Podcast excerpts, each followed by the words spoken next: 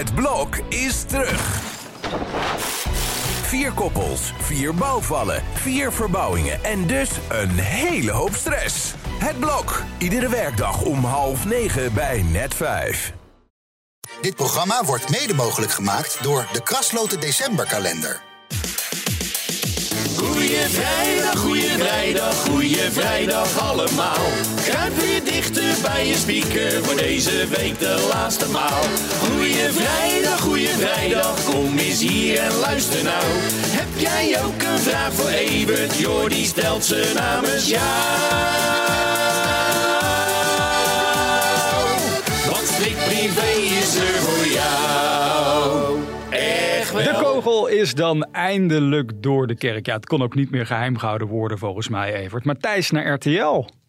Ja, nou ja, dat lijkt me een prima oplossing. Ze zijn Eva Jinek kwijt, daar moest de grootheid voor terug. En ik denk dat er nog wel wat mensen ongemakkelijk op hun stoel gaan zitten schuiven. Want ja, Matthijs laat het natuurlijk niet bij die vrijdag. Daar waren we deze week al over eens. Dat zou een kruimeltje geweest zijn om hem de avonden dat Eva niet wil eh, te laten doen. Maar ja, hier kan hij zijn gang gaan. En de zondagavond is een, is een prachtig televisietijdstip met eh, inderdaad terugkijken op de week, vooruitkijken op de nieuwe week. En dat is hem wel toevertrouwd. Dus ja, je moet RTL er van harte mee feliciteren, denk ik. Ook met de beslissing om te zeggen: het is mooi geweest. Het onderzoek heeft lang genoeg geduurd.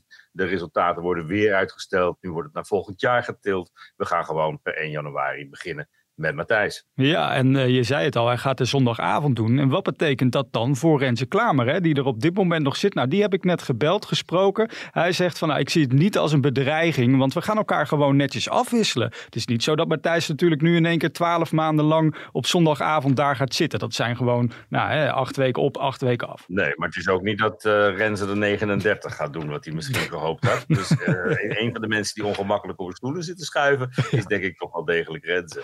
En, uh, maar ja, goed, uh, Peter van der Voorst lijkt mij een trouwe man die, die, mensen niet zomaar aan de kant schuift. Zoals wel gedaan is bij uh, NPO 1 op de meest slordige manier die er natuurlijk te bedenken is. Ja, niet te geloven. Hè? Gisteravond laat kwam er in één keer een brief naar boven. Een conceptbrief heet dat dan. Hè? Die rondging langs presentatoren, redacteuren van Op 1. Want ze zijn echt, nou ja, ze zijn woest op de NPO. Hè? Ja, nou, maar op één na. Ik moest erg lachen op Ben Kokkelman gisteravond. Dit was op één voor vanavond en morgen zitten hier namens EO en WNL Thijs en Sven. En volgend jaar zitten hier Galit en Sofie. Ik wens u uh, uh, een fijne nacht. Tot morgen. Misschien dat ik wel aan. Ja, zo kan je het ook doen. En uh, dat is toch wel de lachers op je hand hebben en de boel relativeren. Ja. Wat uh, Charles Groenhuizen een beetje tekort kwam deze week. Ik was over hem gisteren een beetje naar. Ik zei, ja, die man, die man is 69, daar wil ik hem niet op afrekenen. Maar ik vind echt dat hij er met zijn gedachten niet altijd bij is. Hm. En ik vind hem ook niet de meest collegiale uh, man in Hilversum. Hij heeft ooit eens, toen wij een enorme primeur hadden met het blad, het testament van Prins Bernhard hadden we boven water. Ja. En daar hebben ze destijds een hele uitzending aan besteed. Nou, in ieder geval een halve. Met een of ander zelfbenoemd koningshuisdeskundige werd dat hele document doorgenomen.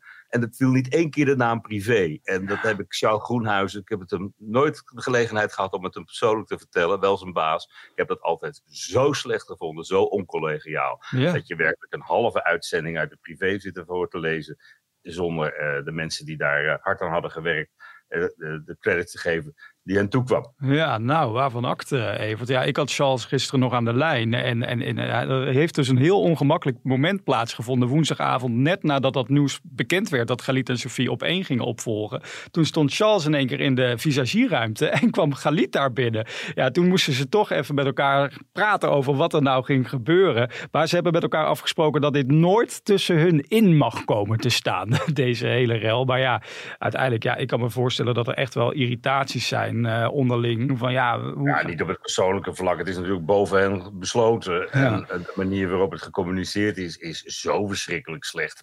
Dat typeert ook weer een, een, een mediabedrijf. Bij een Timmermans thuis uh, klemt de deur altijd. Ja. En, en media zijn in het algemeen zelf heel slecht in hun communicatie als het over henzelf gaat. Nou ja, ik moet RTL vandaag wel echt een compliment maken. Ze hebben echt een heel uitgebreid en eerlijk statement gegeven over de ja, komst maar die hebben ook wat te vieren. Die zijn er alleen maar blij mee. Die, hoeven geen, die hebben geen slecht nieuwsgesprekken te voeren. Zoals ze bij op NPO 1 hebben. Mm. Uh, met vrijmondige mensen die daar 2,5 jaar, 3,5 jaar dat uh, programma hebben zitten maken. Met de middelen die ze hadden. En dat zijn er nogal wat. Maar mm. met hart en ziel in ieder geval.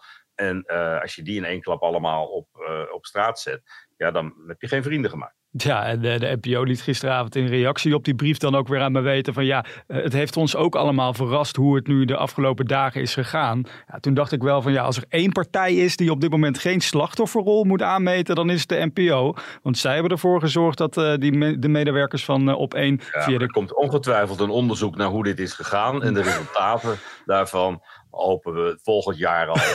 Ja, of 2026. Dat zou ook zomaar eens kunnen. Misschien even een hele gekke vraag tussendoor, Evert. Maar wat gaat Frits Barend eigenlijk uh, doen? Ja, ik heb een bijzonder nieuwtje over Frits Barend. Frits Barend zou werkelijk je kan altijd als talkshow-host nog als uh, musicalster uh, aan de slag. Hm. Schrale troost voor iedereen die bij hem op één uh, nu, even op zich heen aan het kijken is. Ja. Frits Barend was gevraagd voor de rol van verteller in de nieuwe grote spektakelmusical 4045, die vanaf volgend jaar in Barneveld opgevoerd gaat worden.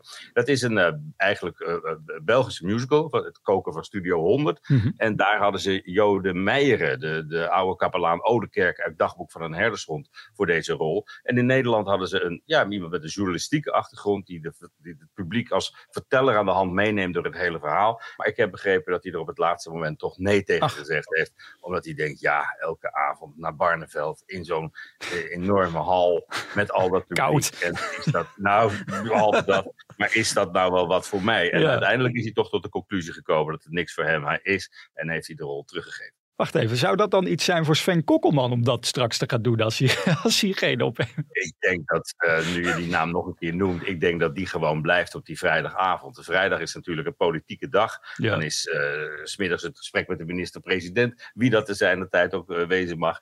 En dan kun je heel erg na, nakijken op de politieke week in Den Haag. Het zou helemaal niet zo gek zijn om naast Eva Jinek van maandag tot en met donderdag op vrijdagavond gewoon Sven Kokkelman met Thijs van der Brink uh, die politieke week te laten doornemen. Ja, ben het uh, absoluut uh, een beetje eens. Trouwens, het laatste nieuws wat hier net binnenrolt is dat Peter van der Vorst ook niet uitsluit dat Matthijs vijf dagen in de week ooit weer een talkshow gaat maken bij zijn zender. Dus wat dat betreft... Nu schuiven er nog meer mensen ongemakkelijk op En wij doen dat ook, want het is tijd voor een spannend moment, onze wekelijkse persconferentie. Eventjes aan vragen, dat lijkt me echt een goed plan. Een vraag aan de privéman. En de vraag van deze week komt van Herma. Ze zegt, Taylor Swift is uitgeroepen tot persoon van het jaar over heel de wereld. Evert, wie moet dat volgens jou in Nederland dit jaar zijn? Nou, je gaat er wel heel makkelijk aan voorbij dat zo'n zo'n superster ineens persoon van de wereld, met alles wat er in de wereld aan de gang is en zo, en dat ze voor Taylor Swift, ja terecht hoor, kiezen, die wel wat bewogen heeft natuurlijk en bereikt heeft het afgelopen jaar. Maar uh, ja, in Nederland, ik denk dat er een omroeppersoon gekozen wordt en dat kan bijna niet anders of dat worden de mannen van VI, ja. lijkt me. Die hebben toch uh, de, de, grootste prestatie neergezet door zo'n enorm publiek aan zich te, te, te binden. En ja, als wij een persoon van het jaar zouden moeten hebben, dan kun je toch niet heen om de verkiezingsuitslag, denk ik. En kom je op Wilders terecht. Ja. Maar daar ga ik uh, allemaal niet over, gelukkig. nee, maar het zijn wel hele goede suggesties. En aanstaande maandag, maandagmiddag, wordt de omroeppersoon van het jaar van uh, dit jaar bekend. Dus dan weten we ook wat meer, Evert. mij zijn het er drie. nou, ik ga ze alvast noteren. En ik noteer ook aanstaande maandag, want dan zijn we er weer om 12 uur. Gezellig. Mooi weekend allemaal en tot dan. Dit programma werd mede mogelijk gemaakt door de Krasloten Decemberkalender.